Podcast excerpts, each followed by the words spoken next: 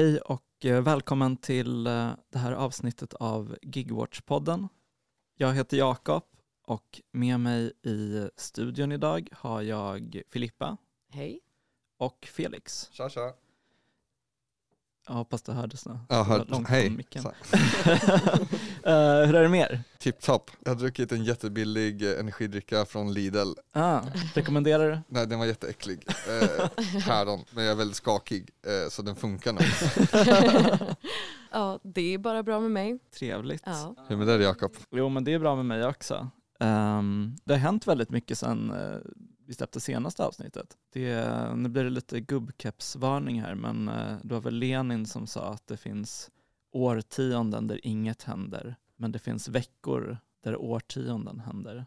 Jag känner att det har varit en sån Lenin-vecka nu. Gud vad vackert. Ja. Verkligen. Och en av de största av de sakerna var väl ändå eh, mötet med Taxiunionen, Ja, Ja, verkligen. eh, Husby arbetarcentrum. det var, det var grymt. Ja, Mm. Var inte berätta lite om hur det, hur det gick? Jo, men eh, vi har ju hjälpt Taxiunionen att arrangera två stora demonstrationer nu under vintern och eh, de eh, fick ju prata med Uber, lämnade över en kravlista till dem. Några dagar innan det här mötet hade Uber svarat att de inte gick med på något av kraven. Så det här var ett möte då för att ta fram en strategi framåt och eh, det var jättemycket folk där, ja. typ 80 pers kanske. ja, 80 förare typ. Mm. Fantastiskt. Och 78 förare Mm. och sen Nooshi Dadgostar, Vänsterpartiets partiledare och Cissi Weidby, arbetsmarknadspolitisk talesperson, två av talarna och även Leila Shaibi från EU-parlamentet, Mm. fransk ledamot där. Eh, man kan lyssna på talen på vår Instagram, för jag streamade dem där. Nej men vad tyckte ni? Eh, jag var inte med då tyvärr. Det var inte Men jag såg ju att det var väldigt eh, fullsmockat där med folk och det var ju kul också att, att ni fick chans att prata med Leila Shabi och även fick med Sissi Weidby att skriva under på vår debattartikel också. Just det. Mm. Som även Sara Skyttedal sen svarade på. Och hon lyssnar på vår Roastade. podd. Just det. Hej, hej Sara Hej Sara. Hej. Välkommen in i värmen. Ja men precis. Det var jävligt fett. Samma kväll så fick jag veta att det var då sista avsnittet av Navid Modiris podd Hur kan vi? är den nedlagd? Ja, den är nedlagd sen den måndagen. Wow, det är Um. verkligen ett årtionden händer på en, Ja, Exakt. exakt. Jag säger det. Jag tror att vi hade mycket roligare än de som var där faktiskt. För det var ett nice möte och jag tror att det var roligare än att sitta och se på David Eberhard som runkar över hur cancellerad han är. Så fick de någonsin ett svar liksom, på frågan till slut? Alltså Eh, hur kan vi? Svaret var nej. Han gjorde, gjorde inget försök att så här bara sammanfatta allting och bara okej nu, så, så här kan vi eller något. Eh, nej, ja, jag, jag var inte där. Ja just det. Du var på ett riktigt möte. Exakt. Men ja, det stärkte min känsla av att det är roligt att vara vänster just nu och tråkigt att vara höger. Mm. eh, som jag fick när jag lyssnade på Radio åt allas nyårsavsnitt som de Mm. släppte. Där kan ni höra en intervju med mig bland annat och en massa andra personer. Bland annat Lovina Mm. som en del av vår poddredaktion men lite på paus. Så om ni har saknat henne kan ni lyssna på det också. Har det hänt något mera? Vi hade en möte igår med några socialdemokrater. det ska jag inte spoila för mycket om för det kommer vi prata om sen. Kan man prata det. mycket om sossarna. Du kommer prata om sossarna. Vad kommer, vad kommer du prata om Filippa? Jag kommer prata om vad mitt eh, nyårslöfte att ta bort alla sociala medier har lett till och eh, freestyla lite om inflation. Nice. Och sen i slutet av avsnittet kommer jag ut som den nya i, liksom, urna-bombaren som är emot all teknik. Så det kan vara en cliffhanger. Spännande. Vad ska du prata lite om sen då? Eh, Jag kommer att prata om företaget OpenAI och deras tjänst ChatGPT och eh, olika saker som jag har tänkt kring det. Men innan vi drar igång, har vi något kul som händer som vi vill pitcha? Jag kan pitcha en eh, liten fotoutställning Mm. ish som finns på Karolinska sjukhuset på Solnavägen 4 i, eh, liksom, i lobbyn. Det är öppet för alla så man kan gå dit Är det och bilder kika. på blommor med lite dagg på med Exakt. mycket så skärpedjup eller? Precis, och så mycket så inspirerande citat. Nej, men det, är, det finns ett, eh, ett forskningsprojekt som pågår på KI som heter Gig Health Mm. som går ut på att undersöka hur gigarbete påverkar hälsan. Mm. Och just den här eh, fotoutställningen kommer från en del av projektet där man hade fokusgruppintervjuer med olika gigarbetare som fick ta kort på sina arbetsdagar, eller på sin arbetsdag, liksom, som kan säga någonting om eh, hur det är att arbeta. Så nu finns alla de eh, korten eller fotona att titta på. Eh, Mm. med lite citat och lite texter och man kan också läsa lite om hur det här projektet ska fortsätta. Det ska bli ett jättestort europeiskt projekt. Okej, Så spännande. det tipsar jag om. Hur länge är utställningen öppen? Den är öppen till den 24 februari i alla fall. 24 februari alltså, så dit kan man gå. Felix, har du något du vill pitcha? Eh, vi har studiecirkel i Stockholm eh, snart. Jag tror att den drar igång den 28 februari och ska behandla arbete. Så det ska vara i tre delar som ska bland annat handla lite om arbete och kön, eh, arbete och teknik, ja men allting om arbete egentligen. Spännande. Och man behöver liksom inte ha några förkunskaper eller så utan det är bara att dyka upp. Det, man kan signa upp via vår hemsida. Har du sagt var den kommer vara? Nej, för jag har glömt bort. Kungsgatan 84. Kungsgatan 84. Lokalen heter Porten. Så man kan signa upp för den på vår hemsida. Det blir kul, det kommer skickas ut lite läsmaterial inför den också så man kan läsa lite och hinna fundera lite på saker. Vi kommer bjuda på lite mackor också. Mackor, kaffe, tilltugg, eh, Snittar. lite snittar. Kul. Har du något som du vill pitcha Jakob? Ja, om man vill komma och lyssna på oss från Gigwatch när vi föreläser om gigekonomin, då kan man göra det den 22 februari klockan 18.00. Det är en onsdag på Södergården på Södermalm i Stockholm. Eh, det kommer bli kul, så det får man jättegärna göra. Ska vi nämna något om livepodden eller för tidigt? Ja, just det. Vi har inte... Det är hemligt fortfarande. Ja, och det är inte riktigt spikat än. allt. Men i vår kommer vi släppa det femtionde avsnittet av vår podd. Och det är inte helt omöjligt att det blir något roligt evenemang i samband med det Mm. i Stockholm. Så man kan hålla ögonen på våra sociala medier och vår hemsida eller vårt nyhetsbrev för att eh, inte missa det.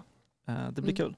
Mm, Om, om det Om det- Men det ska hända. Ja, och sen så vill jag pitcha en till sak också. Mm. Mm. Det är att eh, vi tycker jättemycket om att föreläsa och eh, om man eh, är med i en organisation eller eh, något liknande som vill ha en föreläsning om gigekonomin så tycker jag att man ska mejla till oss.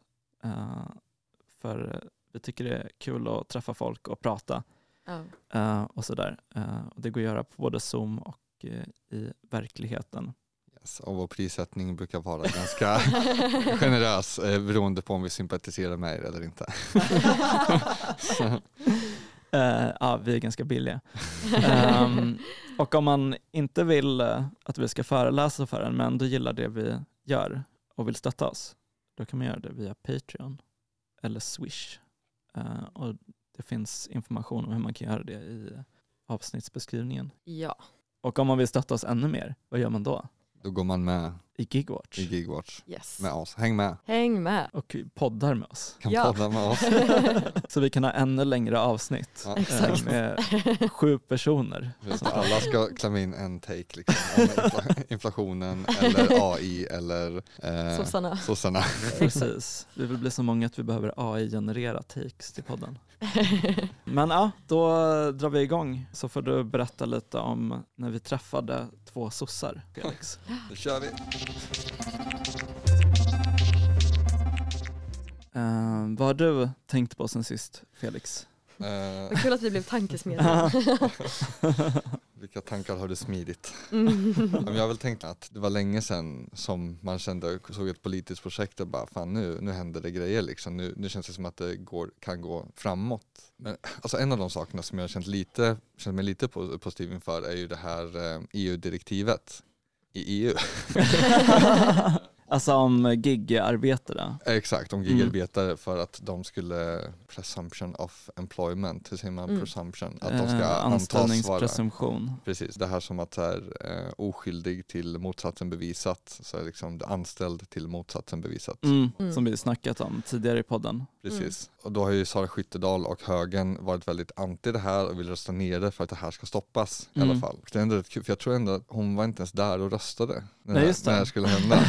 så här, hon har varit väldigt så här, loud om det här och sen var inte ens där. Jag funderar på om, för hon är ju bekräftad KKK nu också. Vad är det? Eh, kristen cannabiskvinna. Oh. Du vet att cannabis stavas med C eller? Nej det gör jag inte. Eh, så jag tänker att hon bara satt hemma och typ Åh shit, vad är rösterna nu? jag missade den. Ah, ja. Nästa gång. Så de förlorade i alla fall. Eh, De hade dock förlorat även om hon hade röstat där. Ja, jag vet. Ja. Det är skönt att känna att man vinner någon gång i alla fall. Ja, Eh, så jag unnar henne ändå att inte vara där eftersom. Jag tar det lite Hennes- launa. Ja, lite precis. lugnt. Var hem och lyssna på Labyrint.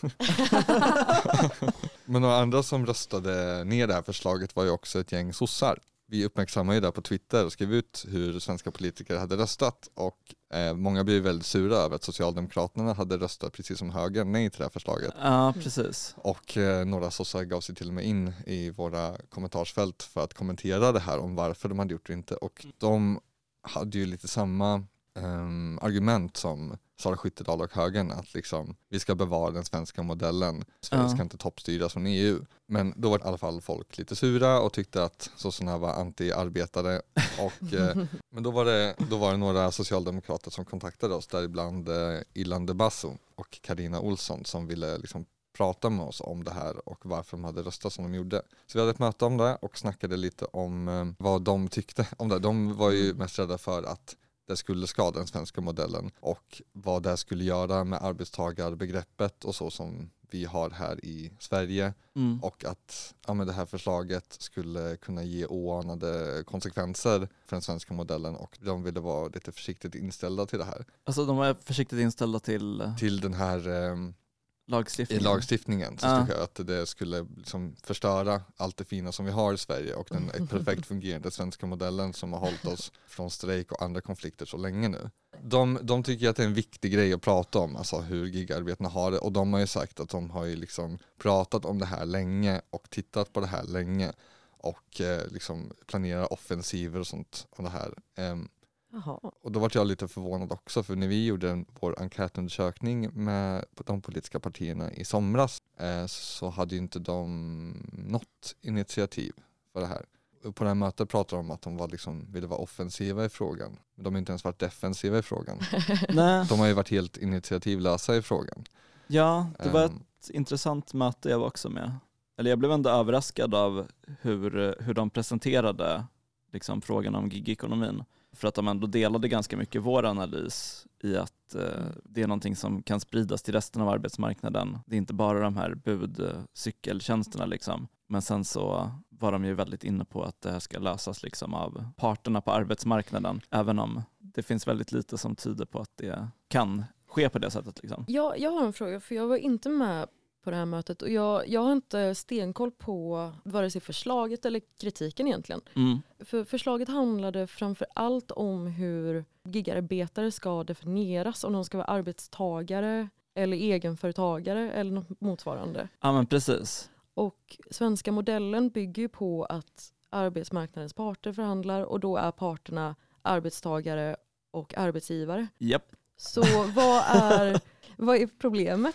Att, eller vad är deras... Och deras ehm, problem var ju att problem. i det här liksom direktivet att det skulle kunna ge oanade effekter okej. på, på den svenska arbetsmarknaden. Som Men det var de- ganska abstrakt. Det va? var väldigt. Ja. Vi kände efter mötet också att vi, de inte riktigt alls hade förklarat varför de var emot eller vad de här effekterna skulle tänkas vara. För de var ju också en, alltså Pontus tog upp den frågan också, men att, tog upp att det finns ju inga parter Mm. gigekonomin. Det Nej. finns ju inga arbetstagare och det finns ju inga arbetsgivare. För gigföretagen ser ju inte sig själva som arbetsgivare och eh, de ser ju inte de här gigarbetarna som arbetare Nej. för Mm. dem heller. Så det är det här problemet som har varit nu ganska många år och det är därför de här stora facken som vi har pratat med, med transport och annat, inte kunnat göra någonting heller. För de är låsta i sin svenska modell, vad som, Mm. alltså, i sin lagstiftning och hur det ska gälla och vad de faktiskt vill hjälpa till med. Liksom, för de har ju sina sätt att jobba på. Ja. Så sossarna är ju väldigt så nej men det här ska facken lösa för det har de alltid gjort.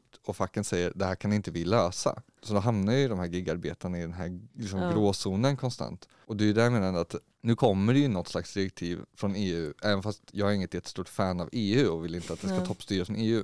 Men det här är ju ändå någon slags initiativ från liksom vänsterhåll inom EU som sagt Mm. att det här skulle ändå kunna förbättra situationen för ganska många miljoner arbetare i EU. Mm. Och att sossarna då går in och säger liksom nej till det här för att de tycker att det är liksom ett förslag som kan ge negativa konsekvenser på den svenska arbetsmarknaden. Då känner jag så här, okej men kom med något själva då.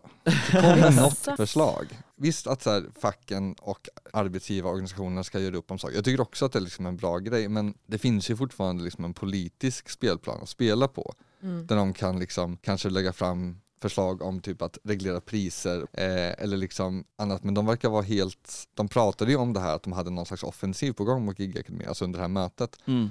Men det har de ju inte. Eh, det har de ju inte alls, de ville ju prata om det liksom. och, jag, och jag är jättetacksam att de ville ta sig tid och hörde av sig Mm. och, och diskutera, diskutera det här med oss. Men jag blev ganska besviken på mötet att de, Mm. allting, det är väldigt så här tandlöst, eller det är inte ens tand, det är ingenting liksom. Eh, det är tandköttslöst. Det är, liksom, det är ett tomt hål i en mun som bara liksom Det är ett svalg. suger in gravitation. Nej, jag vet inte, det, det, det är ingenting. Och det är så här, att de verkar tro att om man bara lämnar allting till facken och sånt så kommer allting lösa sig. Men samtidigt så har det ju liksom fem, sex andra politiska partier som Mm. konstant flyttar fram sina gränser Ja. och försöker, liksom, de säljer ut hela välfärden, de säljer ut skolan, de säljer ut liksom apoteken, Mm. Allt sånt där. De inför allmän visstid, de Mm. ökar liksom pensionsåldern och sånt där. Och sossarna har ändå varit det största partiet under hela den här tiden och de har inte liksom kunnat göra någonting.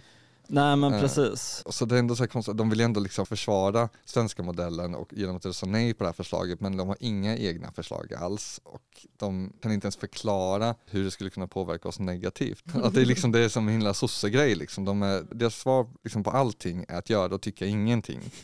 Eh, Det är säkrast. och liksom, och visst, Ja. bra svenska modellen men liksom någonstans måste politikerna ändå liksom ha ens rygg och kunna skapa liksom någon slags ja. utrymme på det politiska för att det här ska kunna ske liksom. Ja, men jag menar jag tycker också att det är bra att om, om facken kan hålla uppe lönerna och så, men då måste det finnas möjlighet för dem att göra det. Och det finns det ju inte i gigbranschen liksom, för att Mm. det inte Mm. finns några, alltså, de erkänns inte som eh, arbetsgivare eller arbetstagare. Ja, nej.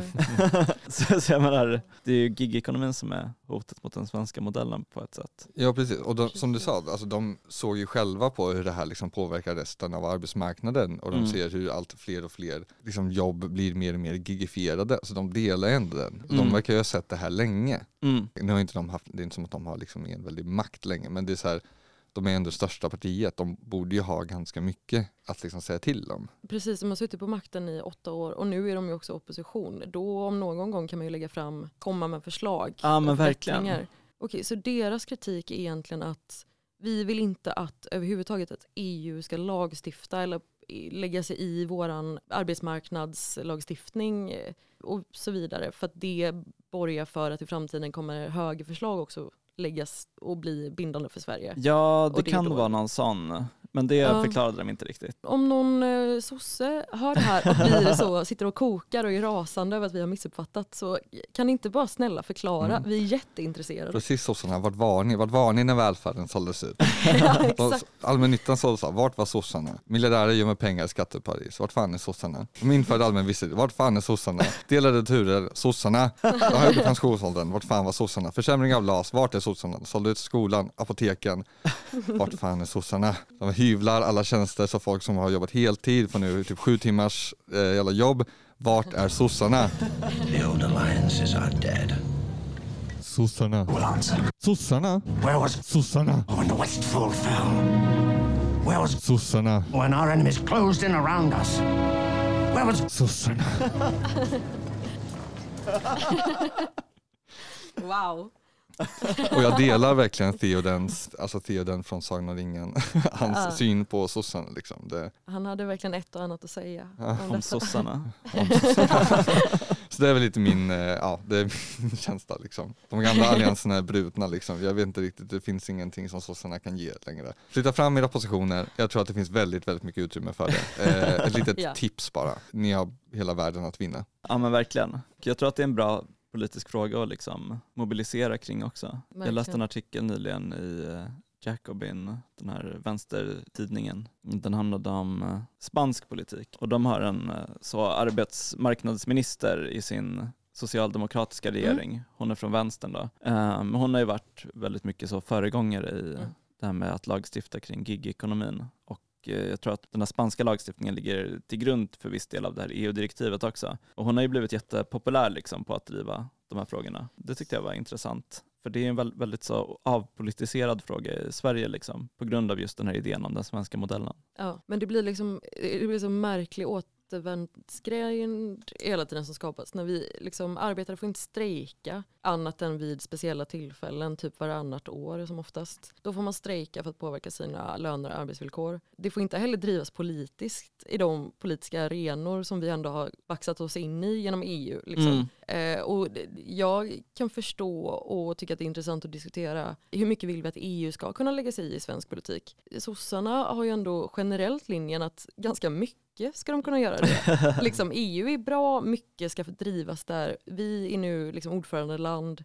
Då om någon gång har vi en möjlighet kanske att driva Mm. frågor i EU och påverka. Om vi nu ska göra detta som alla sossar verkar väldigt eh, överens om. Sossar. Men då ska vi liksom inte göra det heller. Ja vad fan, det har jag inte reflekterat över men de är ju jättepositivt inställda till EU och om om det Ja. nu kommer någonting så, så här, vi är jättepositivt inställda till EU så länge det inte gör någonting med typ vår Men arbetsmarknad. precis, jag tror att det är just kring arbetsmarknaden liksom, och att, att typ även så här borgerliga partier är så, att de är väldigt positiva till EU men emot att EU ska ingripa i arbetsmarknaden. Ja, men nu är det väl Ja. för att hela näringslivet liksom äger hela narrativet alltid om det. Det är samma sak Mm. när man ska om man försöker få upp sin egen lön och förhandla. Då är det så här, för jag är ju ja, men facklig representant på liksom min arbetsplats och då när man har de här liksom diskussionerna inför lönesättningarna, att det är så här att Ja, där vi har gjort ett rekordår, det är jättebra, men vi är på väg mot en lågkonjunktur. Så Mm. det kommer Mm. liksom, framåt så har vi väldigt dåliga, vad fan säger man, som meteorologerna säger? Prognoser. For, prognoser. här, om det är dålig prognos framåt liksom. Och sen när det går dåligt, så, ja men nu går det dåligt så nu måste vi hålla ner lönerna. Så, Mm. Och även när vi, gjort, ja, när vi har gjort rekordvinst så ska vi Ja. hålla ner det för att vi är på väg mot, eller prognosen ser dålig ut. Mm. Så de äger alltid narrativet på något sätt och vi kan bara acceptera det. Och jag tycker att det är dags att kanske ta tillbaka narrativet. Att äga narrativet. Verkligen. Hör ni det sossar? Äg det! Det är inte problemet att de gör det då. Okej men bli bättre på det då. Köp ett nytt narrativ. Köp. Bli Patreons till oss så kan vi, vi kan ge er ett nytt färskt narrativ.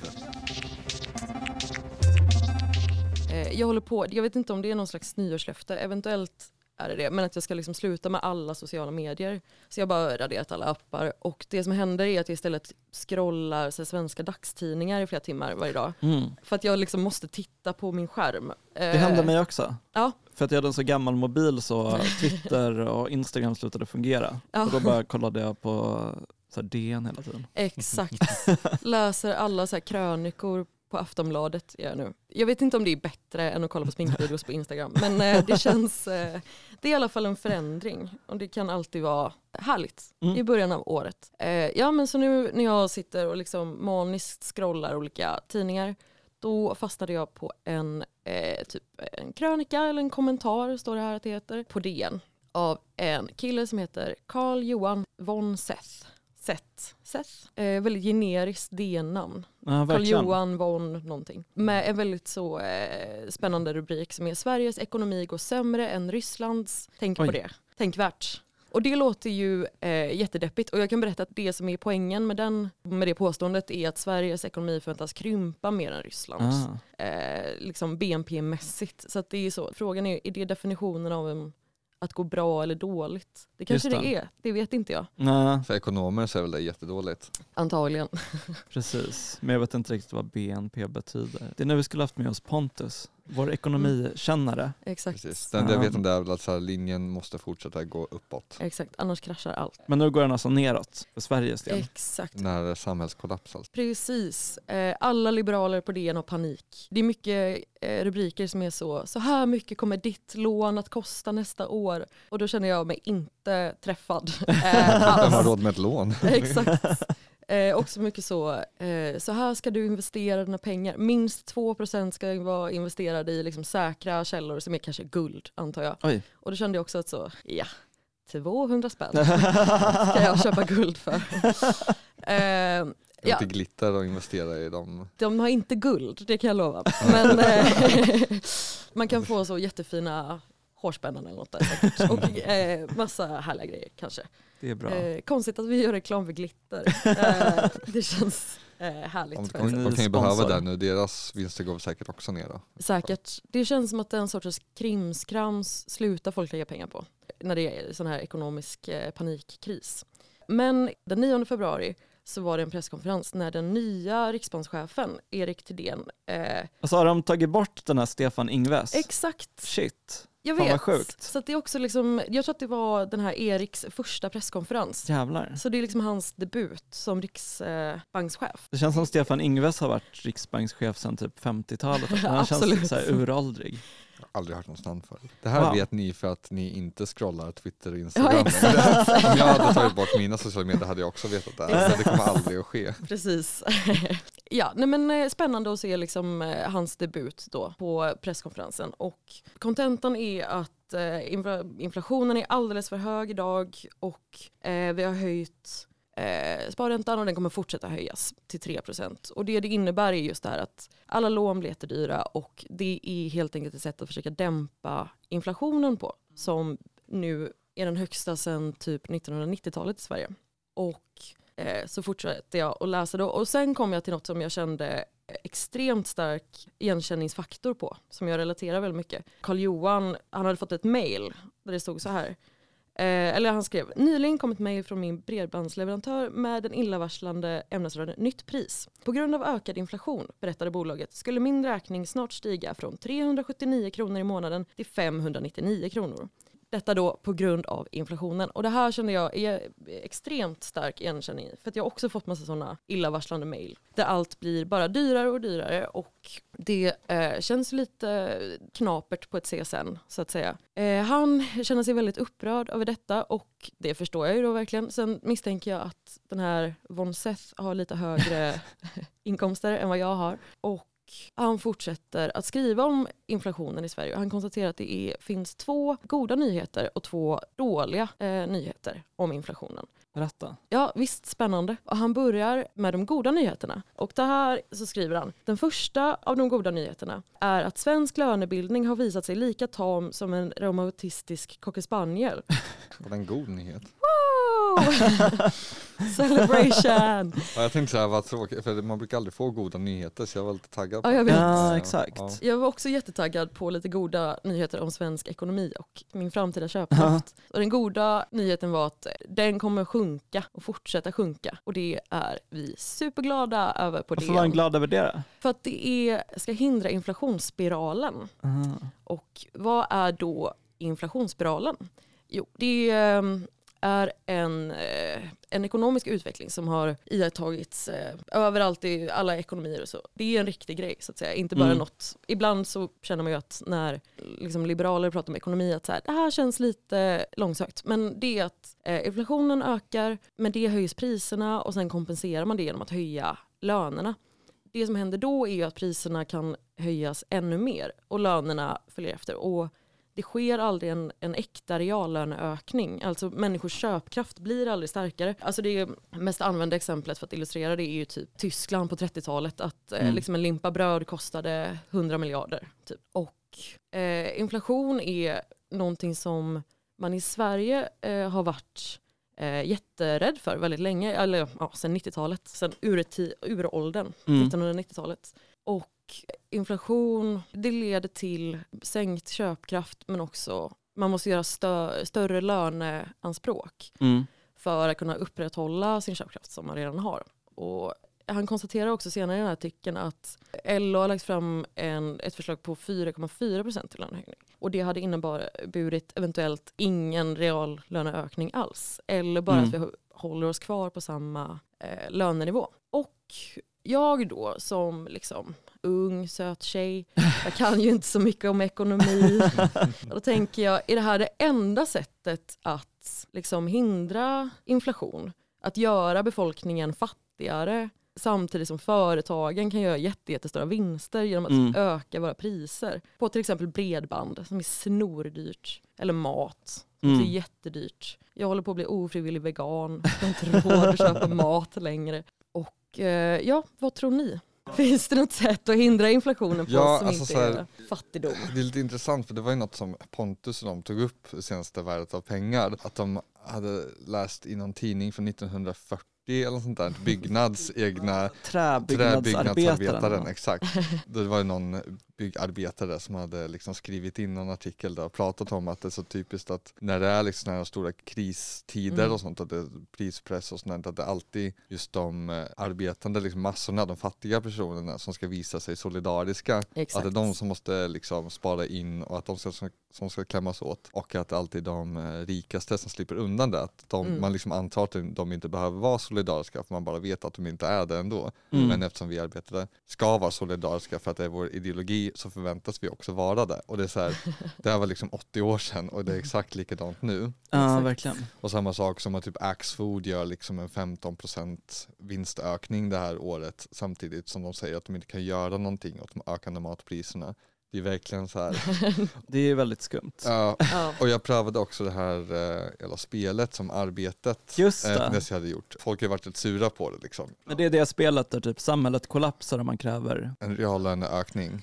Ja, alltså det går väl under om man kräver typ 5% Jag lyckades ökning. faktiskt klara spelet och utan att samhället kollapsade med en 5,5 ökning. Okej, Eh, Men det är ju eh, fortfarande en reallöneminskning, så inflationen är typ 10%. Precis, jag tänkte här, ah, men nej, det här är fan högre än vad jag någonsin fått. För jag bruk, min löneökning ligger strax under 1% här sen jag liksom jobbade. Mm. Och sen så skrev jag in vad jag hade för lön och hur det skulle som justeras för inflation och sådär.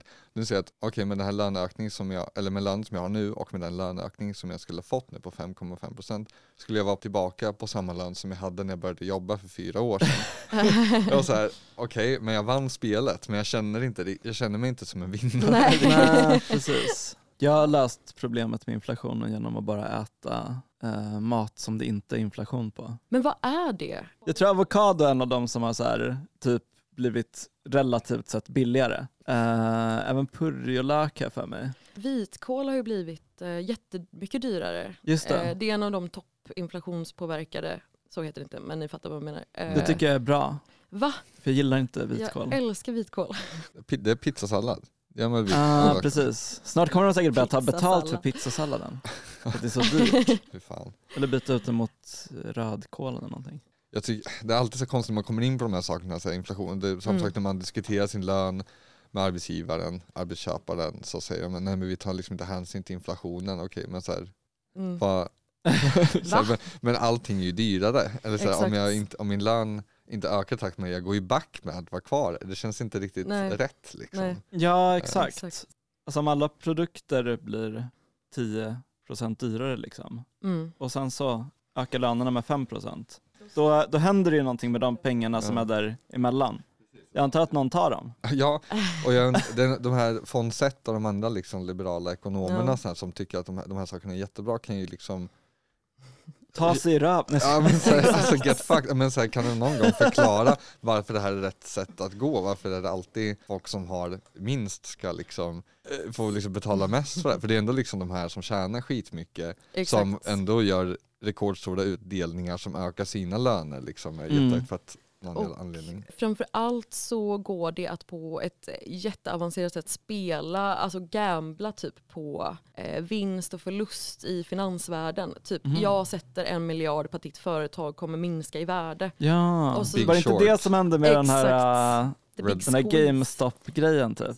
Ja, nej, men det är ett eh, bra exempel på hur man kan tjäna pengar på att andra företag går dåligt. Och i just GameStop-fallet så var det ju att det var massa shitposters typ på Reddit som eh, gick samman och köpte eh, massa aktier och sen vägrade att sälja tillbaka dem till de här hedgefondföretagen och de gick med jättestora förluster.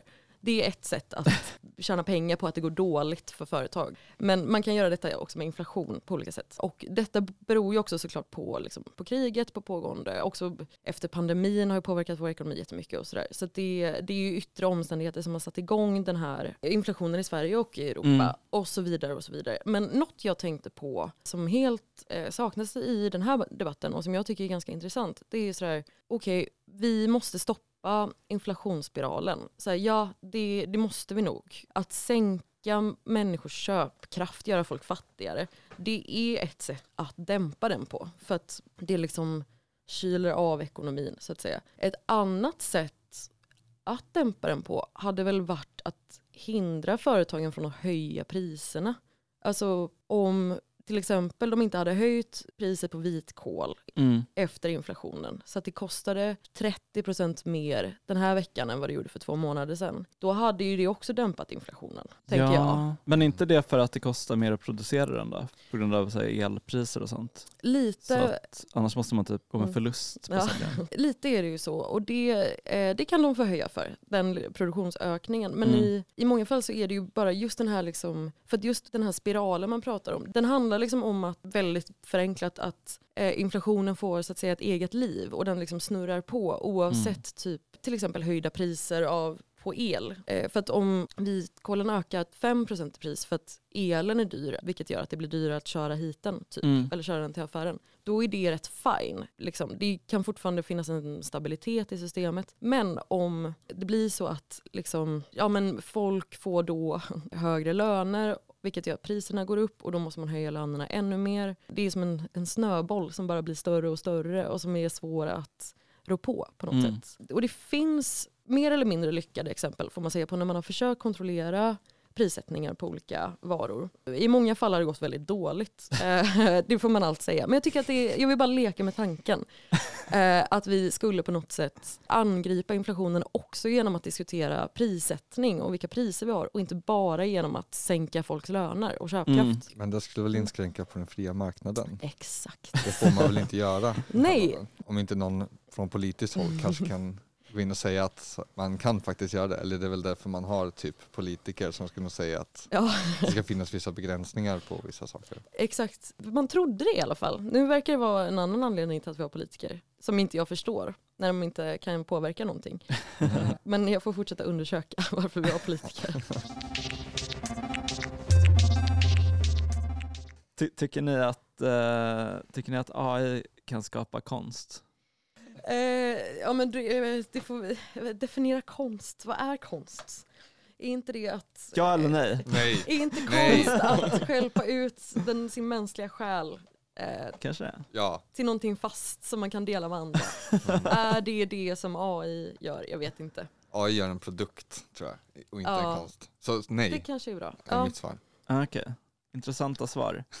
Eh, anledningen till att jag frågar är eh, att ehm, det går ju väldigt dåligt för alla så techbolag just nu. Mm. Speciellt alla gigföretag. Delvis på grund av det vi pratat om tidigare kanske, inflationen. Folk har inte ens råd med pizzasalladen och absolut inte att få den hemlevererad. Då. Och det, inflationen gör också att investerare inte lägger så mycket pengar på de här företagen. Mm. Det är jättedåliga nyheter om man Mm. inte går med vinst på sin eh, ordinarie verksamhet och lever på investeringar som typ alla de här företagen gör. Mm. Men det finns ett undantag, OpenAI, med deras populära tjänst ChatGPT. Har Mm. ni använt den? Eh, Jag försökte använda den för att fuska på en tenta. Eh, fuska på en hemtenta jag Det är hade. intressant. Men jag lyckades inte. Eh, Jag, vet inte Nej, alltså jag försökte säga så. Fick du inte godkänt då eller? Eh, jo men jag, alltså, jag lyckades inte få den att svara på mina frågor. Eh, det var jättekonstigt så det tog liksom mer tid för mig att försöka lista ut hur jag skulle använda den än att bara själv skriva det som skulle skrivas. Det var mer värt att använda icke-artificiell intelligens. Exakt. Jo men eh, det är intressant att du säger det för att eh, det är en grej jag läst att eh, lärare säger så här att man kanske måste göra om hela liksom inte utbildningssystemet kanske, men hela Mm. upplägget på typ prov och hemtentor och sånt där Mm. på grund av det här för att den är typ för bra på att skriva svar på dem. Mm. Eh, enligt de här lärarna då som Ja. uppenbarligen inte har testat att göra det själva. Nej, hur svårt det är att få den att svara. Ehm, och eh, det finns även lite andra farhågor kring eh, att det ska ersätta arbete. Det har vi pratat om mycket i podden tidigare, att eh, det finns den här myten i samhället om att de jobb som kommer att automatiseras i framtiden, eller i nutiden, då, eh, att det är de här tunga fysiska jobben. Kanske att köra bil, att vara taxichaffis. Ni vet, Uber har ju alltid snackat om att de ska införa självkörande bilar om fem år. Mm. Det var fem år 2008 också. Liksom. Mm. Men att det som egentligen är så här värt att typ ersätta med en robot är liksom medelklassens yrken. Och det finns det väl lite farhågor då för att den här tjänsten ska göra. Programmerare. Ja, jag har hört att man kan så skriva in och be den ge mig ett skript eller som, eh, som kan göra det här och det här. Och så Exakt. kan den liksom hosta ut en, en kod liksom för Mm. man kan få liksom HTML-grejer. Det är jobbiga nyheter för alla HTML-konsulter. Så då kan de automatiskt fixa min Lunarstorm bakgrund. Så jag inte behöver lära mig det själv. Det var första och sista gången jag använde HTML. Dåliga Jag nyheter vet för inte alla ens vad det Lunar-konsulter. är för någonting. Oj, det, Lunarstorm. det var typ det första, H- jo, Lunarstorm, det vet jag vad det är, men HT, jag vet inte HTML HTML är det som Lunarstorm består av. det är så här kod för att Alltså bygga det är- hemsidor typ. Alltså för att ge Ah. dem vissa färger och tjocklek på linjer. Och, Det är sån Okej. kod man kunde när man var typ 10. Ja, inte Den är jag. ganska enkel. mm. Ja, Okej, jag kanske är för ung för detta. Okej, förlåt. Samma. ja. Jag skulle bara räkna upp några, några yrken här, men vi hamnar på ett sidospår. Eh, ä- även så här, eh, korrekturläsning till exempel kan den göra. Dåliga nyheter för mig, jag har Mm. inte så mycket jobb kvar. Och, eh, och så vidare. Jag tror att jag skulle kunna skriva en beskrivning av det här poddavsnittet och sen skulle jag kunna mata in den där och så skulle jag kunna säga föreslå en titel på det här poddavsnittet. Mm. Sen skulle den säkert suga. Det skulle vara tillräckligt Det är bra sånt där den kan göra. Ja, men den hade inte, du hade inte kunnat skriva så, gör en hot take om eh, EU-parlamentet. Jag hade säkert kunnat få den att göra en hot take om Tror du det? EU-parlamentet. Ja. Okej. Ja, det är ju dåliga nyheter. Mm. Superdåliga nyheter. Det är inte riktigt tror att den kan göra typ att vara rolig kanske. Okej. Men jag tror det, det kan inte komma på nya tankar och sånt. Nej exakt. Man kan väl slänga in den som någon slags eh, hot take generator liksom AI, som typ bara sätter ihop vad lite andra personer har sagt bara för att få det att låta så här konstigt typ. Men det finns ju Ja. också det, det är så här som kombinerar två Twitter-användare och gör det Mm. ny Nej, just, liksom. det. just det, det Så- där fanns för jättelänge sedan också. Då kanske jag gjorde någon så här kombinera Göran Greider och Silvana Imam eller något sånt. Åh gud. Det blir en glitch i systemet i deras katt. Exakt. Men jättedålig nyhet för alla poddare som pratar om politik-ish och det är inte tillräckligt roligt för att vara så här humor och det är inte tillräckligt smart för att vara journalistik eller typ eh, samhällsvetare. Ja, typ som vi eller? Ja, eller som Vi blir arbetslösa. Vilken elak diss. Ta tillbaka allt. Jag satt i alla fall och researchade lite på det här företaget då, OpenAI. De har liksom värderats till eh, så här, 28 miljarder dollar tror jag att det var. Eh, och de kommer få in en investering på 10 miljarder dollar från Microsoft. Oj. Så det är jävligt mycket pengar i det här företaget liksom. Och eh, jag läste på lite om dem innan nu. Såg lite grejer som jag inte hade sett tidigare faktiskt. Vet ni vilka som grundade OpenAI? Eh, var det inte Elon Musk? Jo, det var det. Såklart. Och Peter Thiel. Just det. Som Det är som en, han är som den onda och kanske mindre korkade versionen av Elon Musk. Han är mer ond, smart, medan Elon Musk är mer dum. Dum, Dum, ond. dum, ja. dum. Okej. Och så var det några från Amazon och lite annat folk. Mycket cursed typer liksom. Men eh, hur som helst, folk är rädda för att det här ska sno våra jobb. Mm. Så datorer är på väg att ersätta oss verkar det som. Mm. Eller? Eller? Jag frågade ChatGPT om den faktiskt är en artificiell intelligens eller om den bygger på mänskligt arbete. Så här svarar den. Jag är en konstgjord intelligens skapad av OpenAI och tränad med maskininlärningstekniker på en stor datamängd text. Jag bygger inte på mänskligt arbete i traditionell mening, men mänskligt arbete har gjorts nödvändigt för att skapa och träna mig. Okej. Okej, inte mänskligt arbete i traditionell mening alltså. Intressant. Men det finns ändå mänskligt arbete som har gjorts nödvändigt för att skapa och träna den här chattroboten. Så då frågade jag ChatGPT om de som hade utfört det här mänskliga arbetet hade bra arbetsvillkor och då svarade den så här. Det är svårt att generalisera om arbetsvillkor för alla som har arbetat med att skapa och träna mig eftersom OpenAI är en global organisation och många olika människor och organisationer har bidragit till min utveckling. Mm. Generellt sett har många teknikföretag, inklusive OpenAI, en stark tradition av att erbjuda konkurrenskraftiga löner och arbetsförmåner för sina anställda. Wow. Men som med alla arbetsplatser kan individers erfarenheter variera. Ah, okej, nej. Nej. oh, nej. Åh nej. Och efter att jag hade fått det här svaret så då googlade jag lite. För jag tyckte att det lät lite skumt. Ja. Och då hittade jag en artikel i Time Magazine. Ni vet den här Ja. som har person of the year. Just Så det. kanske Just det är en hand som pekar ut ur tidningen och så står det It's you. Ja, Jag vet inte om de, de har haft ett sånt omslag. det men de det känns som har att de, absolut haft ett sånt ansvar. Absolut. och eh, de hade då gjort ett litet reportage om, ett reportage, Ett rapportage. ett rapportage om villkoren bland de som eh, har jobbat då med att eh, liksom samla in och rensa all den här datan som den här chattgubben, chattgubben. Chattkvinnan. Jag ska tillägga att rösten kommer inte från ChatGPT, det är från något eh, gratisprogram jag hittade. Men jag tyckte att den symboliserade bra hur en AI skulle Absolut. prata om Mm. den skulle säga någonting. Men i alla fall, många av de som jobbar för det här företaget då, de som har liksom samlat in och rensat all den här datan och liksom strukturerat den, vilket man måste göra för att kunna skapa en sån här AI-tjänst liksom som spottar ut text. Det är folk i Kenya som OpenAI då har eh, anlitat via någon underleverantör. Mhm. Eh, De här personerna jobbar då för en jättelåg lön. Konkurrenskraftig. Ja, exakt. Typ så här 14 spänn i timmen.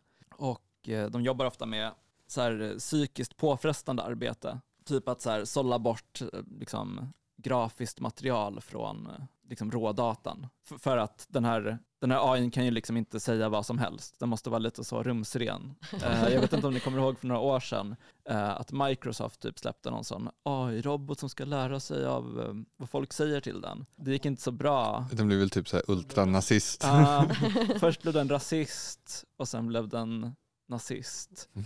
Och sen stoppades experimentet innan den uppfann en ännu värre ideologi. Eh, Då drog de tillbaka den här tjänsten. Så sen dess har de här företagen jobbat mycket med att ja, men, eh, det måste faktiskt eh, rensas. Liksom. Och det involverar mycket mänskligt arbete då, för det kan inte den här datorn göra i dagsläget. Liksom. Den kan inte skilja på rätt och fel. Exakt, den, den kan inte tycka att nazism är dåligt. För Nej. den har ingen, inga åsikter. Den är typ Navid Modiri. Den bara liksom sitter och tar in. Den är samtalsextremist. Åh nej, vad har vi gjort? Helvete. Alltså, är det någon som faktiskt kollat om Navid är en person och inte en robot? Det är en bra fråga. Eh, Ja, precis. Men de, har, de som har jobbat för eh, de här OpenAI har, eh, ja, det är folk i Kenya, de har haft väldigt dåliga arbetsvillkor, väldigt dåliga lön, eh, väldigt dåliga löner. Mm. Och det här är någonting man kanske känner igen om man lyssnat på tidigare avsnitt av den här podden.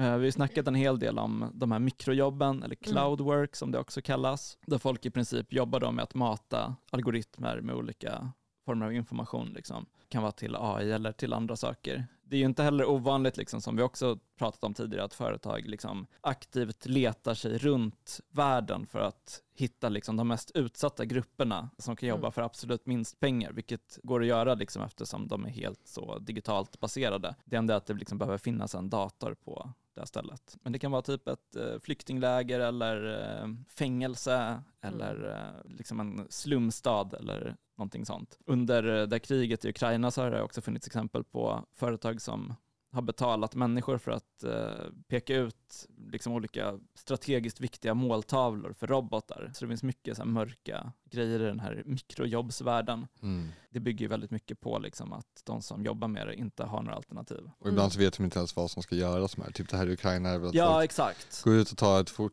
foto på den här platsen. Liksom. Man får inte veta liksom varför och vad det ska användas till men man får 20 spänn för att göra det, Ja. så man gör det. Mm. Okej, det har jag aldrig hört om. Vad sjukt. Mm. Nej, men många av de här plattformarna är ju helt liksom, det är ingen som vet vilka kunder de levererar åt. Man tror att liksom Facebook och Amazon och alla de här använder de här tjänsterna. Amazon har ju sin egen Amazon Mechanical Turk. Det finns Mm. också sådana som Clickworker och annat. Men det är ingen som vet vilka som använder de här tjänsterna, men troligtvis gör typ alla plattformsbolag det. Mm. Eh, oftast så vet de som jobbar med det inte alls vad det ska användas till eller någonting, utan man får en enkel uppgift, typ tagga den här bilden. Vad, vad ser du här? Ser du en skylt eller ser du en bil eller sånt Mm. som man gör när man typ ska så här bekräfta att man är en människa. Ja. Mm. så det eh, läste jag då om eh, den här Open Mm. AI. Vilket jävla gräv du har gjort. Ja, jag, Wow. jag med assistans av Time Magazine Ah. och genom att utnyttja ChatGPTs svagheter och bara ställa frågor till den om Så de här kenyanska arbetarna har liksom suttit och sållat ut liknande frågor liksom som de skulle kunna få för att den här chatt-AI ska kunna försvara sina egna arbetare på något sätt. Att det är, så här, nej, men det är väldigt konkurrenskraftiga eh, löner, det är liksom bra arbetsvillkor och så. Sen finns det vissa individuella berättelser som inte riktigt stämmer överens med det. Men Ja, då har ju de ändå suttit och aktivt tagit bort de svaren som kanske är typ, nej men alltså det är några som slavar i Kenya för det här. Eh, ja, det är väl väldigt troligt liksom, med tanke på att det är ett företag som kontrollerar det. Så det är liksom centralt på det sättet och man har inte riktigt någon insyn i hur mycket de styr svaren. Liksom. Och de styr Ja. svaren på ett sätt för att, eh, till exempel för att det inte ska vara att, de, att den säger något otrevligt till en. Eh, men i alla fall, jag tänkte återvända lite till det här med Mm. eh, AI och konst i alla fall, som vi var inne på i början. För nu när vi har konstaterat att det inte är så jättebra arbetsförhållanden på det här AI-företaget som man kanske inte ens trodde hade arbetsförhållanden, då funderar jag lite på eh, kan man inte tänka att det här skulle kunna fungera på ett mycket bättre sätt? För att jag tycker ändå att den här AI-grejen är ganska rolig. Mm. och nu är den ju ganska mycket så i något slags gimmick-stadium. Alltså det är bara en dum leksak på internet liksom, Mm. som folk tycker är jättecoola och därför har den fått jättemycket så här, miljon, miljoner, miljarder dollar kastad på sig. Men om man ser det så i teorin, skulle det inte vara ganska nice om man kunde få ut HTML-kod till sin Lunarstorm-sida hur enkelt som helst? Det skulle ju faktiskt vara det. Jag kan faktiskt se ganska mycket fördelar med sådana liksom, sen förstår jag att det, så här, det tas väl också fram lite för att man vill typ pressa ner lönerna för IT-tekniker, liksom Mm. programmerare och sånt. Mm. Å andra sidan så är det väl sådana saker som fler och fler vill kunna använda. Liksom. Det är väl, alltså typ förr var ju att skriva skrivmaskin till exempel. Det var Ja. ju typ ett yrke man hade, man fick lära sig det. Idag har vi förstått att det är liksom en grej som alla ska kunna. För det kanske inte behöver vara en specialiserad grej liksom, utan Mm. alla ska ändå kunna göra det på något sätt. Mm. Jag, jag kan tänka mig att det finns en hel del bra grejer. Ja, men det där är, det där är en intressant grej som det känns som att vi har varit inne på tidigare också. Liksom. Att, eh, det är jättebra att alla kan skriva, men det är jättedåligt för de som jobbade med skrivande Mm, i exakt. typ det forna Egypten. Ja precis, man skrev på papyrusrullar och det var liksom en konst liksom, att ens kunna, kunna skriva och Mm, föra anteckningar och sånt och nu kan alla det och då var, de var väl säkert jättesura över det Mm. att det, de hade inte lika hög status längre. Men eh, för samhället så är det ju extremt användbart att Ja. alla kan skriva och läsa. Nej men det är en intressant spänning där tycker jag. Eh, Mm. Där kanske liksom så här, arbetarrörelsens mål inte alltid sammanfaller med målet om man ser liksom ett eh, så här, socialistiskt samhälle. Som arbetare hamnar man ju ofta i att man vill liksom bevara sin speciella kompetens samtidigt som det vore ju extremt nice om alla kunde göra allting och vara Mm. jättesmarta. Mm. Exakt. nu vet jag inte om det är det Jo, som nej, är men så här, det, Det känns som att här, samhället skulle kunna glida fram lite mer friktionslöst kanske om det inte alltid var liksom en tävling om att så här, bara försvara det lilla man har. Liksom. Nej men precis. Och Mm. på ett sätt så, alltså det här, den här AI, det är ju inte en AI. Det är ju någon slags samling av så här mänskligt vetande. Egentligen kanske AI borde stå för det som Marx kallade för det allmänna intellektet. Mm. Det begreppet som man använder för att beskriva eh, liksom samhällets samlade kunskap och vetande. Och liksom den här typen av tjänst, om den, om den fungerade eh, lite bättre än den gör idag kanske, den skulle kunna vara en Mm. väldigt stor tillgång liksom och um, till exempel göra det lättare för folk att eh, eller så här, förändra, förändra hur konst kommer till, förändra hur litteratur kommer till. Alltså det är många som har snackat om så här, ja men eh, shit, det här är döden för konsten för att eh, nu kan en eh, jävla dator måla en abstrakt tavla istället för att jag gör det. Men är det så dåligt? För jag tänker att liksom, om man ser till det här med eh, att, att det är en massa människor som jobbar med att samla in information och samla in data, då gör de på något sätt det som en konstnär kanske gör som individ, liksom, men på ett kollektivt plan. Ja, Det är men det, det är väl lite samma sak. Okej, men du kan samla in all information som behövs för hur man bygger ett hus. Mm. Men det är ju fortfarande ett hantverk bakom det, där någon liksom ändå måste ha liksom kunskap Exakt. om vad man gör. Exakt, Och det är men väl lite samma sak med konst, att det är så här, det var ju någon snubbe som jag såg som hade genererat en hel barnbok till exempel. Ja. Och så här, sk- med historien och bilderna och sånt. Och folk hade ju läst den och de sa att det här är liksom ingenting, det är totalt själlöst liksom. Och Mm. för det kändes väl av, alltså även på bilderna och allting, att det var så här Mm. dåligt gjort. Det var ju verkligen ett dåligt hantverk och jag tror att där är väl bra att komma ihåg att det är så här, typ konst och sånt där, att, att så här, det är en leksak, ska man väl komma ihåg, typ så här med AI-konst och sånt också. Det är väl kul Det sa folk om med. kameran också på 1800-talet. och den gjorde att konsten bara blev mer cool. Ja, jo, För det är att sant. efter kameran så fick man Sant. så här impressionism, eh, impressionism, expressionism och liksom konst som ville fånga det som kameran inte kunde fånga. Mm, Okej. Ehm, Ehm, jag tänker, kan, kan Mm. inte AI leda fram till en liknande grej? Jaha, så att nu, ni konstnärer, ni får fan, Ja, men ni då- får en måste piska man- liksom, då måste måste man man komma på ha- något annat. Då måste man som barnboksförfattare ha själ. Mm. Just Då måste det. man liksom eh, differentiera sig från AI på något sätt. Oh, det kanske skulle göra att, man, att det kommer färre och färre sådana här skitdåliga typ Netflix-serier och alltså det, blir, det blir mindre skräp. Det blir verkligen så här, vi kommer tillbaka till högkulturens tid, att det är bara de sakerna som verkligen är bra och liksom det är ett bra hantverk med tanke bakom som faktiskt slår igenom, inte de här två av fem serierna Precis. eh, som man bara kollar på för att liksom Ja, men liksom ingenting är bra längre, Ing, ingenting, inget kul. Allt, är, allt är kul men samtidigt är ingenting kul. Allt är lite tråkigt men det är också liksom alltid någonting att kolla på. Ja men precis. Eh, så att det liksom, man bara matas med så, saker och ting så det blir svårare och svårare att definiera, eh, differentiera vad som är liksom bra och dåligt. Mm. Mm. Skulle det här öka konkurrensen lite mer? Eller ja, som du säger, det blir någon slags revolution liksom på, ja, på konst, konstmarknaden liksom, eller skapelsemarknaden. Liksom, att Mm. det, det kreativa arbetet sätts, får en mycket högre position igen. Ja, jag tror att det kan vara en, eh, en, en positiv grej för den mänskliga kulturen Ja. och eh, vår civilisation.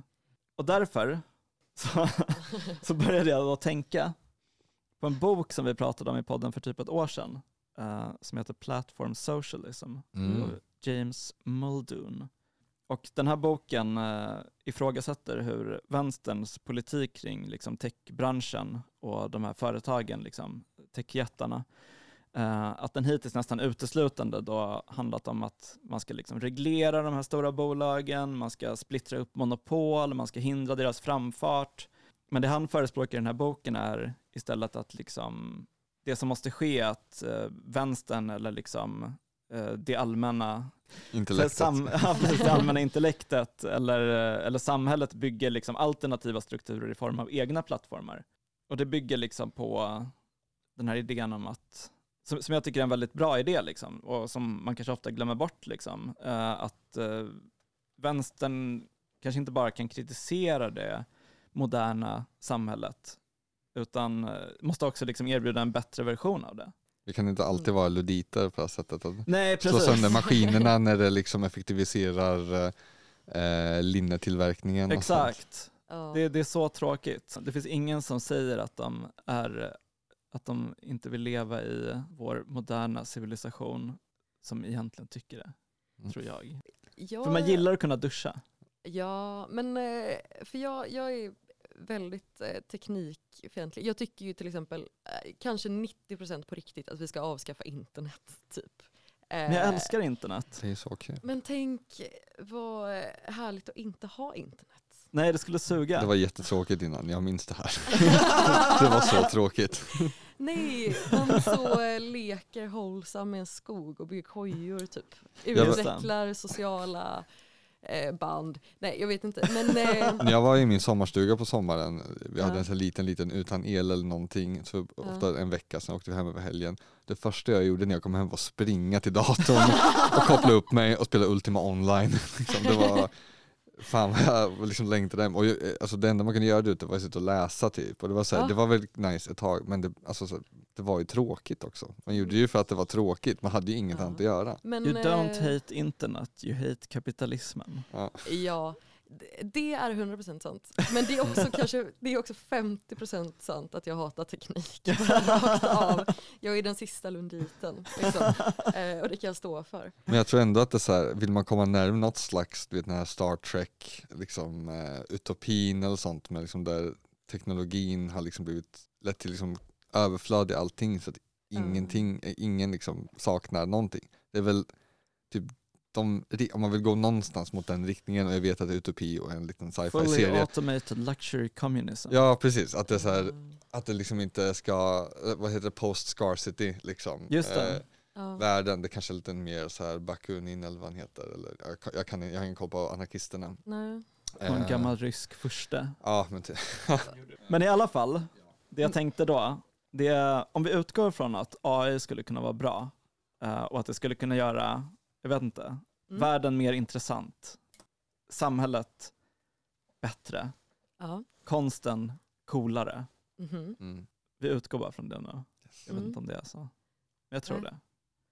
Då tycker jag att ehm, det är dåligt att man upplåter det till de här konstiga tech-snubbarna. Varför har vi inte liksom ett statligt program för att bygga en eh, alternativ AI för att liksom kodifiera det här mänskliga allmänna intellektet? Så Ehm, den istället statliga för att- myndigheten för allmänna intellektet. Ja, ja. Asbra. Ja. Varför har vi inte det istället för att exploatera folk i flyktingläger och fängelser som billig arbetskraft? Liksom? Mm. Och varför bygger man inte tjänster som liksom har som syfte att faktiskt förbättra samhället istället för att typ göra något coolt trick så att investerare ska liksom dumpa sina pengar på dem? Och då kanske folk säger så här, ja men det skulle ju vara jättedyrt. Men liksom hela politiken kring de här techföretagen är ju redan jättedyr. Vi har alla de här högerpartierna, eller så här, typ gigföretagen. Det de gör när de inte betalar ut liksom sjuklön, när de inte betalar ut pension, Mm. det är att de lägger över de kostnaderna på det allmänna. Och liksom eh, Centerpartiet till exempel, de har ju gått så långt som att de förespråkar det här med giglotsar. Alltså i princip innebär det att gigföretagen ska kunna outsourca sin liksom HR till, eh, till staten. För att då ska det finnas folk anställda som ska hjälpa gigarbetare med liksom att skatta rätt och sånt. För att eh, liksom de här partierna erkänner att det är problem att folk skattar fel och sen åker på liksom skattesmällar. Ja. Men lösningen för dem är inte att, att liksom de här företagen ska anställa dem eller ta Mm. ansvar för det, utan lösningen är att staten ska hoppa in. Liksom. Som. RUT och ROT också, att det var stort problem med svartjobb inom liksom renovations och nybyggnadsgrejer. Ja, men så, exakt. de massa, så lägger de ut Mm. jättehöga liksom, miljardbelopp på att ge pengar till de här rika människorna som anställer svart, svart arbetskraft för att de inte ska göra det. Ja men verkligen. Och samtidigt liksom de här företagen, de här techföretagen, de får liksom sin digitala infrastruktur subventionerad genom Mm. att det är liksom, att de här eh, datahallarna i Sverige som det finns massa av, Mm. de betalar ju Mm. typ ingen elskatt liksom. Precis, de de, har betalar mycket rabatt. alls. Eh, jag menar allt det här kostar ju massa pengar. Så varför kan man inte lägga de pengarna på typ ett asfett så här, digitalt infrastrukturprojekt? Precis som man eh, la jättemycket pengar på att bygga vägar och sånt förr i tiden. Nej men istället för att de liksom ska, pengarna ska rulla direkt in i fickan på någon tech-kille i typ Schweiz eller Silicon Valley Mm. och sen bara gå till typ lobbyism för att förändra samhället ännu mer efter hur de här företagen vill att samhället ska se ut. Det är väl att staten alltid känner att de, inte, att de saknar expertis och då måste man ta experterna, vilket är de här techjättarna. Och de kan lösa det fast så här, de blir ju lurade, de blir blåsta på sina pengar Ja, men precis. Där kanske det är lite bra då att det går så dåligt för alla de här techföretagen. För då kanske de behöver göra sig av med en massa personal.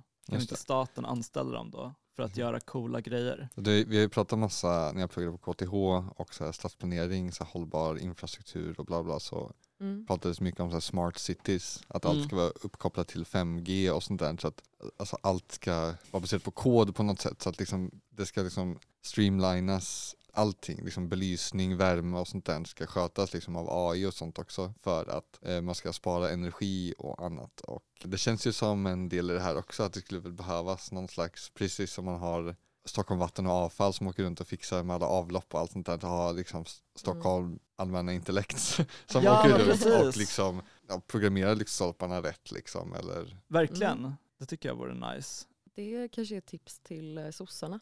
Ja, ah, exakt. Att titta över det här, att införa ett allmänna intellekt eh, myndighet. allmänna intellektuella verket. Exakt.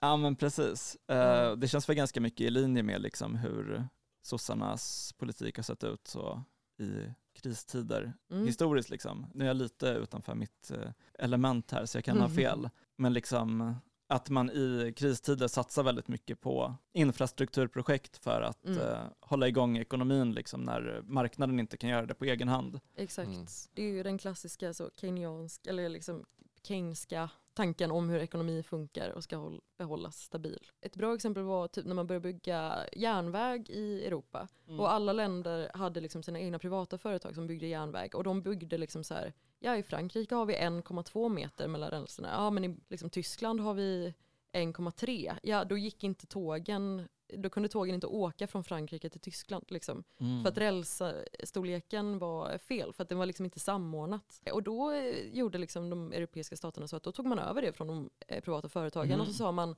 all räls ska vara så här bred. Och nu bygger vi bara det med allmänna medel. Och så byggde man liksom Europas järnväg på det sättet. Vi lät er bygga själva, men Mm. nu har ni visat att ni inte klarar det. Exakt. Så nu tar vi över här. Ja, Mm. sitt ner och vila bara, så löser vi det här. Så det finns en viss överstatlighet som vi gillar. Och Absolut. Eh, när det gäller liksom, jag tror också så här, alltså generellt sådana här stora, liksom, ska man ta ett större kliv framåt liksom, som samhälle och mänsklighet, då tror jag att man måste ställa sig över liksom, företag. För Mm. att de har inte sådana långsiktiga planer för någonting. De vill bara Nej, vinstmaximera och det är väl det här liksom ja, överlåter man allting till sådana techjättar som Elon Snusk och Peter Thiel så kommer man inte långt. De har ju sådana här liksom visioner, de pratar ju om väldigt stora visioner om att vi ska bosätta Mars och jag gör den här hyperloop Mm. som kommer Mm. revolutionera liksom hur vi färdas och det är bara så här bullshit allting. Ja men de, verkligen. de, det är bara en mans liksom små feberdrömmar liksom. Mm. Ja, exakt. Sen så, nu när du sa det med järnvägar kanske det är mer prioriterat att de borde bygga en järnväg än en AI. Men eh, jag tycker att man kan göra båda faktiskt. exakt. Det är ändå kul att vi är i kristider nu och regeringen lägger ner Ostlänk, nej vänta den kanske var kvar, men eh, nya stambanan och Mm. så här stora järnvägsprojekt har de ju lagt ner nu. Just det, Mm. för att järnväg För att gör en dyrt. woke. Om man, Vi ska åker, satsa på om man åker bilar. med tåget så blir man woke. Ja. Exakt. Det är bara soyboys som åker med SJ. Exakt. Ja. Eh, ja men där var min eh, grej slut. Ja. Ja, men, eh, tack så mycket Jakob och tack till alla som har lyssnat. Ja, tack så mycket. Eh, glöm inte att signa upp för studiecirkeln. Ja, det kan man göra på, vi postar länken någonstans. Yes. Typ Och gigwatch.se Ja, kan vi göra exakt. också. Ha det bra! Ha det bra. Hej då!